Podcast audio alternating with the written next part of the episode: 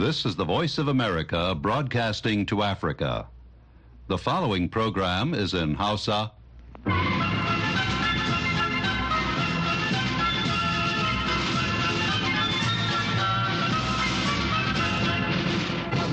Sashen Hausa na murya Amurka ke magana daga nan birnin Washington DC.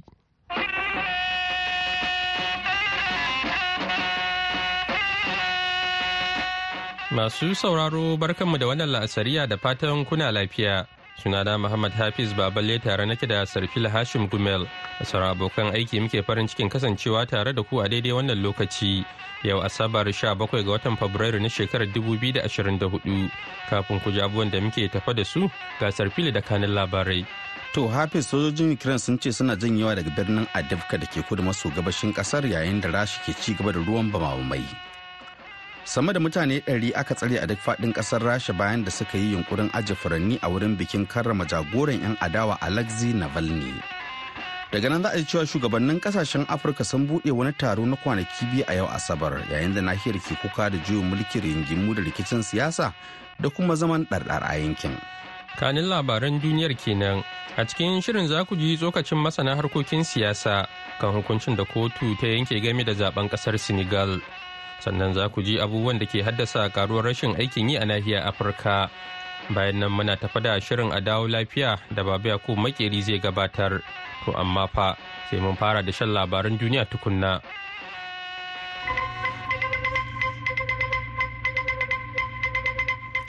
To jama'a salamu alaikum. Da fatan an yi lafiya. Ga labaran duniya. Sojojin ukraine sun ce suna janyewa daga birnin adabka da ke kudu maso gabashin ƙasar yayin da rasha ke ruwan bawambai inda ta kara da cewa matakin bai bayar da wata nasara ga rasha ba. Babban kwamandan ukraine alexandra srinki ya wallafa a shafin facebook cewa an tura sojojin ne don gujewa kewayewa da kuma kiyaye rayukan lafiyar ma'aikatan. Olaski Tarnaski, kwamandan sashen kudu maso gabashin Ukraine ya rubuta akan Telegram cewa a cikin yanayi mai wuyar gaske lokacin da wato lokacin rugujewa komai da tarin bulo na fashe da suka wato katangar fifikonmu shine rayukan sojojinmu ya ce sassan Ukraine sun ja da baya da kansu ba asara ba ne. Tarnaski ya bayyana ɓangaren adabka a matsayin mafi tsanani a dukkan tungayen wanda ya kai kimanin kilomita 100. Dubu ɗaya. sama da mutane 100 aka tsare a duk faɗin ƙasar rasha bayan da suka yi yunkurin ajiye furanni a wurin bikin karrama jagoran 'yan adawa alexei navalny a cewa wani rahoton kamfanin dillancin labarai na associated press yau asabar ƙarƙashin kulawar 'yan sanda daga baya ma'aikata sun cire furanni na tunawa da jagoran in ji kamfanin dillancin labaran wata ƙungiyar kare haƙƙin ɗan adam ta ƙasar rasha ovd info ta faɗi cikin wata sanarwa da ta fitar an mayar da navalny zuwa ɗaya daga cikin manyan gidajen yarin na rasha mafi tsanani. Sanarwar ta ce a cikin watanni 37 da yi a tsare navalny ya shafa kwanaki 296 a gidan yarin mafi azabtarwa. A cikin irin wannan yanayi babu buƙatar guba ko kisa ta hanyar tashin hankali dole ne kawai a jira. Shugaban amurka joe biden ya mayar da martani a ranar juma'a ga labarin mutuwar navalny inda ya zargi shugaban rasha vladimir putin kai tsaye tare da yin amfani da mutuwar wajen tsawatar da majalisar wakilan amurka da ci gaba da ba da tallafi ga ukraine. Rundunar sojan isra'ila ta faɗi yau asabar cewa dakaranta sun kama sama da mutane 100 da ake zargi da aikata ta'addanci a asibitin nasir da ke kan yunis. Rundunar tsaron ta isra'ila ta ce an kashe mutane da dama a binciken da ake yi a asibitin. Rundunar ta idf ta kuma musanta zargin cewa sojojinta sun kai hari kan janareton asibitin. Rahotanni sun bayyana cewa sojojin ƙasar isra'ila sun kai hari kan injinan janareta kuma gazawan na'urorin ya yi sanadiyar mutuwar mutane a asibitin.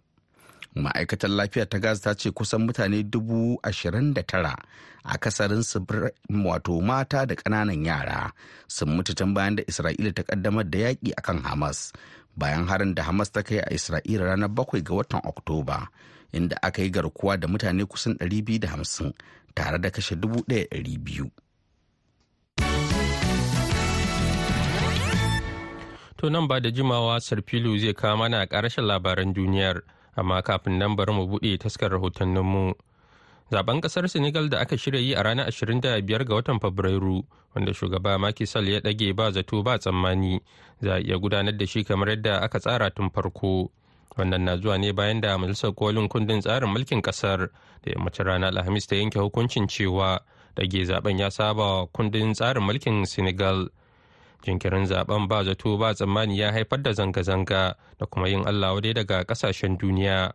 Mai shari kan harkokin siyasa ibrahim khan ya shaidawa abokin aikinmu james booth cewa 'yan senegal na kallon hukuncin da majalisar tsarin mulkin ƙasar ta yanki a matsayin wata shaida ta ƙarfafa dimokuraɗiyyar ƙasar su This afternoon, the Constitutional Council decided to abrogate. Yammacin ranar Alhamis ne, Majalisar Kolin Dokokin Kasar Senegal ta yi fatali da dokar shugaba Macky Sall ya yi dogaro da ita wajen jinkirta babban zaɓen ƙasar.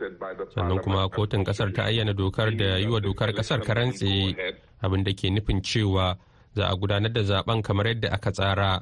Kana wa'adin mulkin shugaban zai kare a ranar 4 ga watan Afrilu. And that the president uh, term will end on 2nd of April. That's exactly what I was going to ask. To tambaya anan ita ce yanzu me ake ciki kowa ya shirya yin zaɓe kenan? Yes, but I think the constitutional court was Kwarai kuwa, to sai dai kuma kotun ta fahimci cewa ba zai yi a gudanar da zaɓen a ranar 25 ga watan Fabrairu ba kamar yadda aka tsara. A wani sakin layi daga cikin hukuncinta akan dokar ta bayyana cewa ya gudanar da zaɓen a lokacin da aka tsara ba tun farko a ranar 25 ga watan Fabrairu da muke ciki, inda ta ce ta san da cewa zai yi matuƙar wuya iya gudanar da zaɓen akan lokacin ba. Saboda haka ta buƙaci hukumar da ke da alhakin shirya zaɓe a ƙasar ta sake saka ranar da za a gudanar da zaɓen. matakin jinkirta babban zaɓen ƙasar da ya babbayar da kura sakamakon zanga-zangar da ta barke a ƙasar da yi wa dokar ƙasar karantse sannan sun buƙaci hukumar da ke shirya zaɓen ta gabatar da ranar da za ta gudanar da zaɓen da majalisar kolin ta amince da sabuwar ranar zaɓen saboda haka babu mamaki zaɓen zai gudana tsakanin ƙarshen watan maris ko kuma farkon watan afrilu domin ba a kimtsa abubuwan da ya dace a yi zaɓen a watan fabrairu ba sannan wani abu mai matuƙar muhimmanci shine sunayen 'yan takarar da majalisar ta amince da su ne tun farko za su kara a zaɓen. The only participating. In the meantime, we know that uh, President Macky Sall Mun san cewa shugaba Macky Sall zai kammala wa'adinsa a watan Afrilu. Kana nufin cewa zaɓen zai gudana kafin ƙarshen wa'adin shugaba Macky Sall kenan. Well, I don't know which date will finally be. To, gaskiya ba ni da masaniya a game da sabuwar ranar da za a yi zaɓen, amma dokar ƙasar ta yi tanadin cewa idan wa'adin makisal ya kare a ranar biyu ga watan Afrilu. Nan take kakakin majalisar ƙasar ne zai karɓi ragaman mulki na tsawon lokacin da ba zai zarta kwanaki casa'in ba. To amma bisa dukkan alamu ba shugaba makisal ne zai mika ragaman mulki ga zababben shugaban ƙasar ba.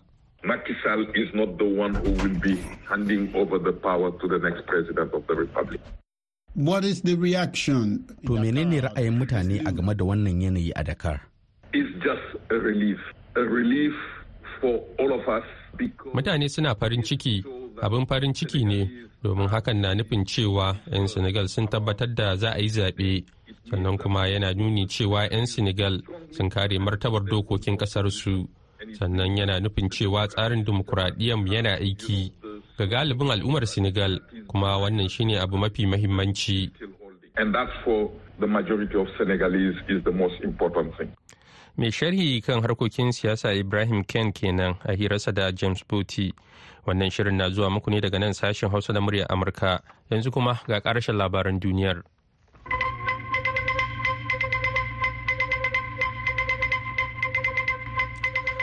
Shugabannin ƙasashen Afirka sun buɗe wani taro na kwanaki biyu a yau Asabar, yayin da nahiyar ke koka da juyin mulki da rigingimu da rikicin siyasa da kuma zaman ɗarɗar a yankin. Gabanin taron da za a Addis Ababa babban birnin ƙasar Habasha, shugaban hukumar tarayyar Afirka Musa Faki Muhammad ya yi tsokaci kan tashe-tashen hankulan da ke addaba ƙasashen da dama na Afirka da sauran ƙasashen duniya.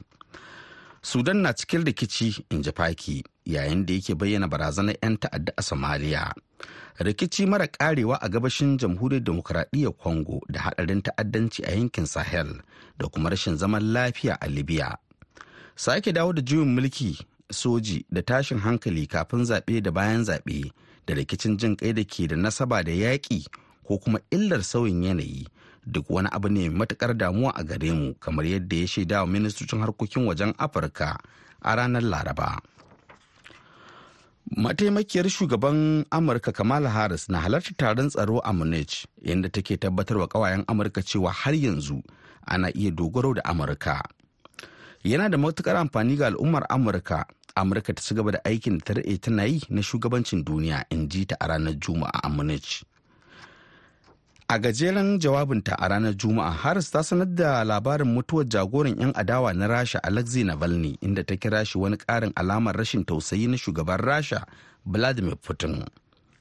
Ziyarar harris na zuwa wato na zuwa taron tsaro na shekara-shekara na zuwa ne a daidai lokacin da ake nuna shakku kan rawar da amurka ke takawa a duniya a daidai lokacin da amurka ke fuskantar zaɓe.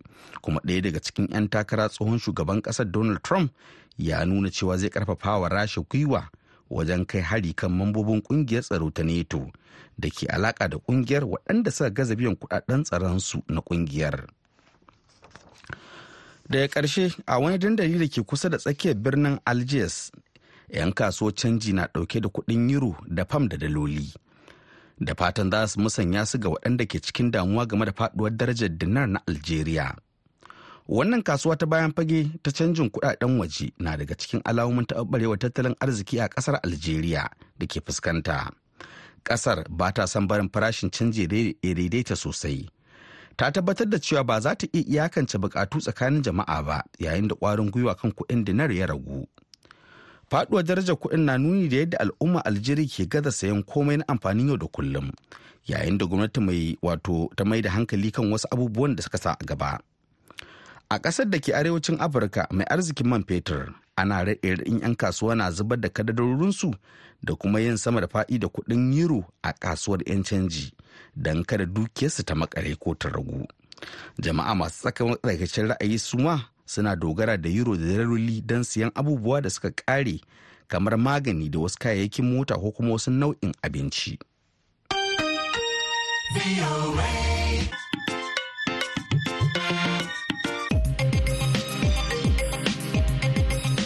Sarfilu Hashim Gumal kenan ya karanto mai labaran duniya daga sashen Hausa na murya Amurka.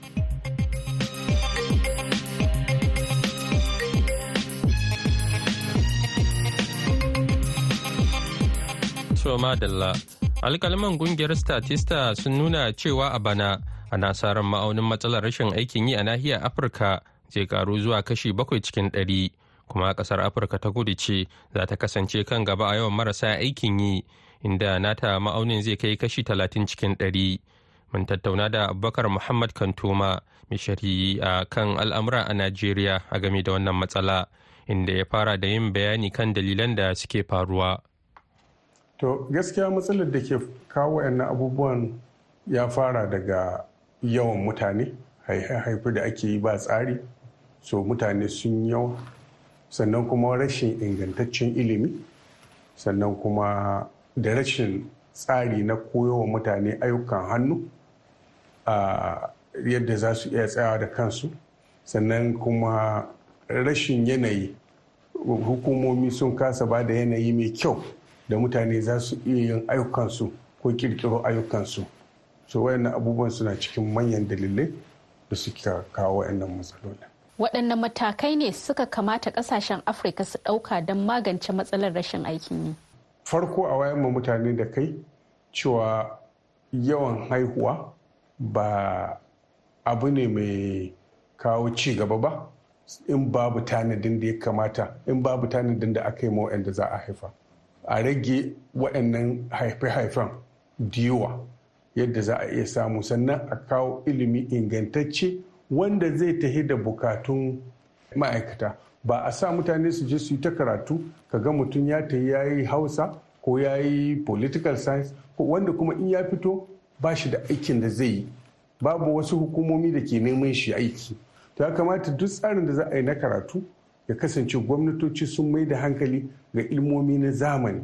Irin waɗannan nau'in da ma ba sai ka je ofis ka zauna ba. Irin kamar harkan nan na IT wanda mutane da yawa a gida ma suke aiki suna samun albashi suna samun kuɗaɗɗakin su. To ya kamata gwamnatoci su fito da irin waɗannan tsare-tsare. Sannan na biyu a koya ma mutane sana'o'i kuma na zamani. Ba wai sana'o'i kuma ko da sana'o'inmu ne na da a inganta su yadda duniya za ta so su kamar harkan fata irin a san yadda za a irin takalma da hannu irin kamar harkan saƙa irin rigunanmu yanzu akwai riga da ake saƙa da hannu a nan ƙasar nan da za ka ji miliyoyi take ma. Ya kamata a ce an kirkiro da wannan an inganta mutane masu digiri masu je su koyi wannan sana'o'in na hannu. Ba wani abu da ya kamata a yi yanzu ban da wannan. Sannan kuma a yi ƙoƙarin nisantar da mutane daga ayyukan ƙarfi ko noman da ake ya kamata a mai da shi na zamani. Za a waye gari mutum ko ya yi digiri zai iya zuwa ya koyi aikin tractor ko aikin harvester ko aikin kayan dai zamani na noma. Ya kamata a ce in aka fito da irin waɗannan hanyoyin an ka inganta ilmomi sun ka ta daidai da bukatu na ma'aikatan ne za a samu ayyukan ta waɗanne hanyoyi ne matasa a afirka za su iya kasancewa ma su dogara da kai? To ni shawarar da zan bayar ga matasanmu na afirka shine su gano cewa ba a fi mu da komai ba. In ma karatun za ka je ka yi kai karatu ka san don me za ka yi karatun ba wai don ka yi karatu ka da kuma ka roƙi wani ya ɗauke ka aiki ba. Kamata ya kuma yi da hankali wurin samun ayyuka da kuke yi na hannu. Sana'o'i sun fi dubu ana iya koya kuma a yi kuma a samu abin da ake so. Ba wai shi aikin yi ba ana nuna sai ka zauna wani wuri na biyan ka albashi ba. A'a ko kai kana iya yin abin da zai ɗauke ma lalurorinka to ka zama kai ma'aikaci. To kuma muna da su yawa kuma yanzu na zamani na zuwa irin gashi nan kana ganin ayyuka fanni-fanni na irin kamar yanzu zaka ga abubuwa sun ci an ci gaba irin harkan pop harkan tiles harkan sola harkan mobile irin gyaran waya da irin wayannan abubuwa. Ya kamata mutum ya zan cewa ya kauce maka neman aiki na office ya dawo ya shiga gona ga gona nan tana iya ɗauka kowa. Kuma da zamani ba irin da ba ni kan shawarar da nake gani a ya fi mai sharhi a kan al'amura a Najeriya Abubakar Muhammad Kantoma kenan a hirarsa da murya Amurka. Wannan shirin na zuwa muku ne daga nan sashen Hausa na murya Amurka a birnin Washington DC a kan bintoci 1625 da kuma 31. A jamhuriyar Nijar kuma za a iya samun matashar ta BOA Africa a kan mita 102 zangon 102 zangon FM. haka kuma a yaushe ake so za a iya zuwa shafukanmu na intanet a voahausa.com ko kuma sashen hausa.com yanzu kuma ga shirinmu na gaba. Matafiya a dawo lafiya.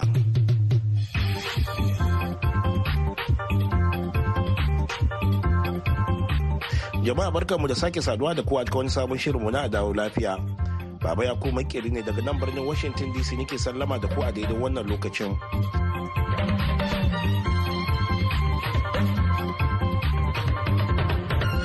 Yau shirin zai ci gaba da tattaunawa ne da Muhammad Hashim Sidi Madani, mataimakin jami'in shirya ayyuka da hukumar Rosati ta Ghana a jihar Arewa maso yamma.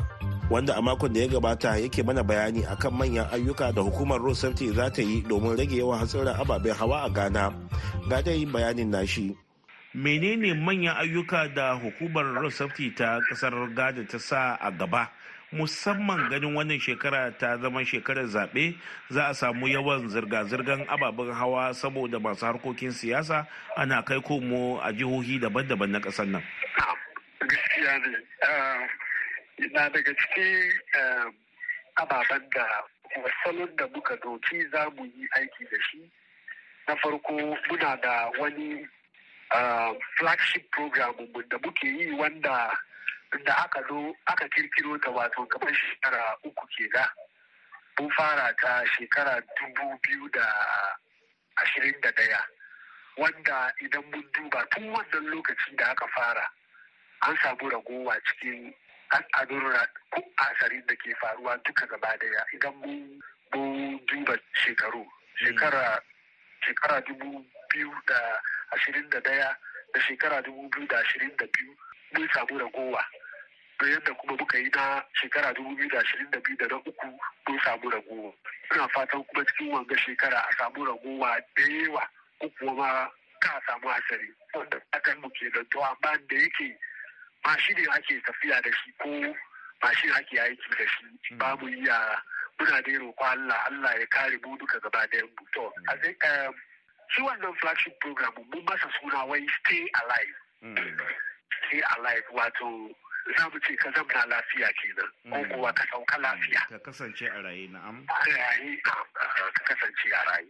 To wannan stay alive program yadda muka saba kowane lokaci muna fita tashoshi muna yi ma drivers kashedi muna yi ma passengers da siya yadda ya kamata ka kasance idan kana cikin mota. Sai ka ko kuwa ababen da ya kamata ka yi a matsayin ka da passenger idan kana cikin mota. Haka zalika ababen ka ababen da ya kamata ka yi a matsayin ka na direba sannan muna shiga schools. Kowa wanda dai muna zuwa makarantu. makarantu duka gaba da yansu domin kowa yana amfani da hanya. Muna da mai tafiya muna da wanda ke cikin mota mai tuƙi nan mai tuka babur wato moto bike kenan dukansu muna yi kowa da shi muna zuwa ceci muna zuwa masallatayya ko ina muna shiga domin kowa amfani da hanya wanda muna yi mutane gargaɗi. Sa'annan wannan shekara ne mun kirkiro baba da yawa. Farko muna da program da wanda cikin wannan shekara zai fara aiki wanda muke mata suna da cewa traffic tech wanda mu da Ghana Police Service ke tarayya a cikin wannan aiki. O kun yi haɗin gwiwa da hukumar 'yan sanda? Na muke wannan aiki. Za ka ga a cikin wancan shekara ko wancan shekara biyu idan mun duba kan titunan mu an ajiye wasu cameras. Eh cameras nan wanda yanzu wannan cameras shi zai yi aiki a cikin kasan mu Ghana. Idan ka yi gudu ya kai tare iyaka wannan mashin zai yanka hoton motanka. Idan ya yanka hoton motanka number plate ka da shi za mu yi sai sa muna haɗin gwiwa da police service da dvla sannan da hukumar nan namu wato road safety kenan. Wannan mashini injin robo yana police service ne. Idan muna bukatan komi game da motar yana wurin dvla ne. Sai sa kana gamawa wanda ya rajista motar a cikin sunansa. Idan an gama komi automatic ne da mashin ya yanka motanka message zai zo maka kan fonunka motanka ya ya samu matsala kuma ya gwada maka abin da ya sa aka yanka hoton motanka. Offensive da motanka ya yi maybe ya yi wrongful overtaking ko kuwa overspeeding. Duka idan an baka message automatic ya gwada maka offensive ka kuma ya gwada maka kuɗin da aka finding ka. Wato sako nan take zai zo akan wayar ka kuma ya gwada ma laifukan da kai har ya sa kamera ta ɗauki hoton motar ka. Motar ka na sannan kuma ya gwada maka wannan mota penalty unit wannan laifin da penalty unit kaza ne. O tare da za a cika ya kama kaza. Kaza na'am sai ya baka so ka je ka biya. Idan ka biya receipt ka automatically ya ka biya tun da akwai code da ya shiga ya pick ke da shi ke babu matsala. Idan baka biya ba har bakwai biyu ya kai za a wato laifinka zai karu zai karu wato percentage ya hau kai. An bi ka bibiya an bi ka bibiya kamar wata guda. Idan baka je ka biya fine ba sai court ta doki wannan aiki. Ya so court ya yanke maka hukunci. Bisa instant um, instant offense da za ka yi wannan za ka samu message shi. Kamar yadda dai muka sani yadda muka san turai ke yi idan ka yi wani matsala dan ataki za a kawo maka message. Iya so ka je ka biya finding ka. To wannan aiki kun riga kun fara ko yanzu za ku yi shi? Yanzu a yi shi ana cikin lunch ana ana ilmantar da mutane game da shi. Ana ana ilmantar da mutane game da shi. Don mttd su ne wanda ba inji mashinin ke hannunsu. Wato inji server room yana wuri mttd ne wato ghana police service. Mu kuma muna ilmantar da mutane game da yadda wannan abin yake. Sa'annan muna da kuma programin da muke yi na wato za a buɗe kowane kunduma ke nan muke ci wato district assembly da ke nufi. Eh abin nan karamar hukuma. Kamar na karamar hukuma district assemblies za mu buɗe road safety committees. Kowane karamar hukuma. Wato za a buɗe hukumar road safety a matsayi na gunduma kenan. Na eh. Sai sa za mu buɗe wannan an tun kammala komi har ministry local government ta, ta aika wasiƙa ma dukkanin karamar hukumar da muke da su a cikin kasan mu baki ɗaya wanda yanzu ana nan ana shirye-shirye a buɗe ofishi gaba ɗaya domin idan ka duba ayyukanmu mun kasance muna yin shi regional based. Wato muna cikin jihar ne sai sa wani district za ka gan cewa ba su samu activities mu da yawa.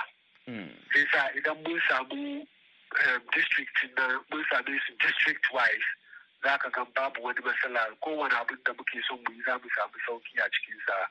Sai sa wannan cikin wannan shekara mun so mai ta. Domin wancan shekara akan wasa wasiku zuwa ga district. Yasa yanzu kowane district chief executive aka masaniya domin leta ya kai gari ya kai zuwa gare shi an fara wannan shekara muna buɗe road safety committee a kowane karamar hukuma.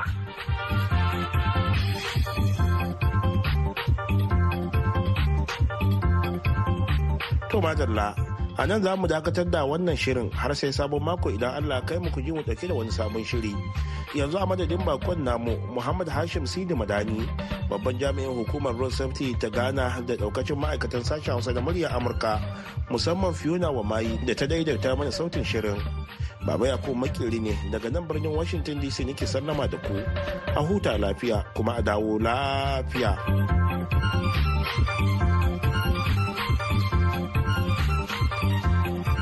Soma da la gaida Baba Yakub Makeri kafin makarkare shirin ga labaran duniya a taƙaice.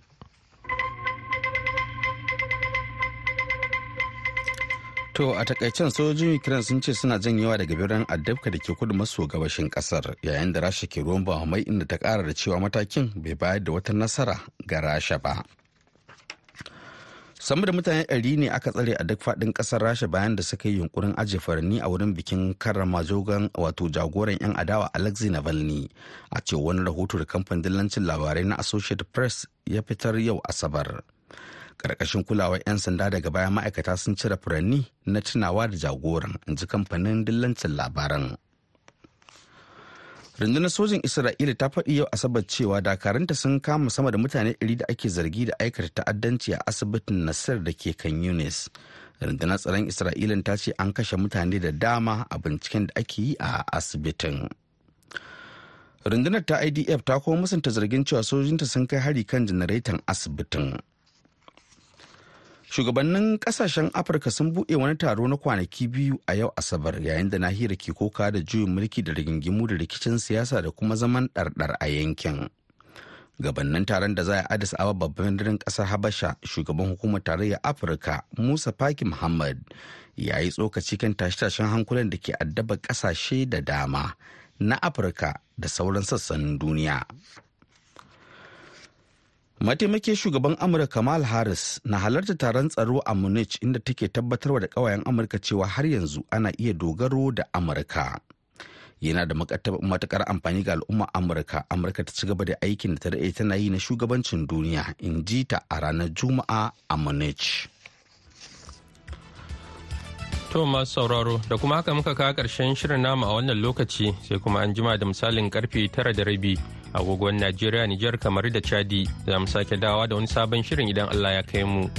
Yanzu a madadin Sarfil Hashim Gumel da ya karanto labarai da kuma Fiona Wamayi wadda ta daidaita mana sauti da ba da umarni.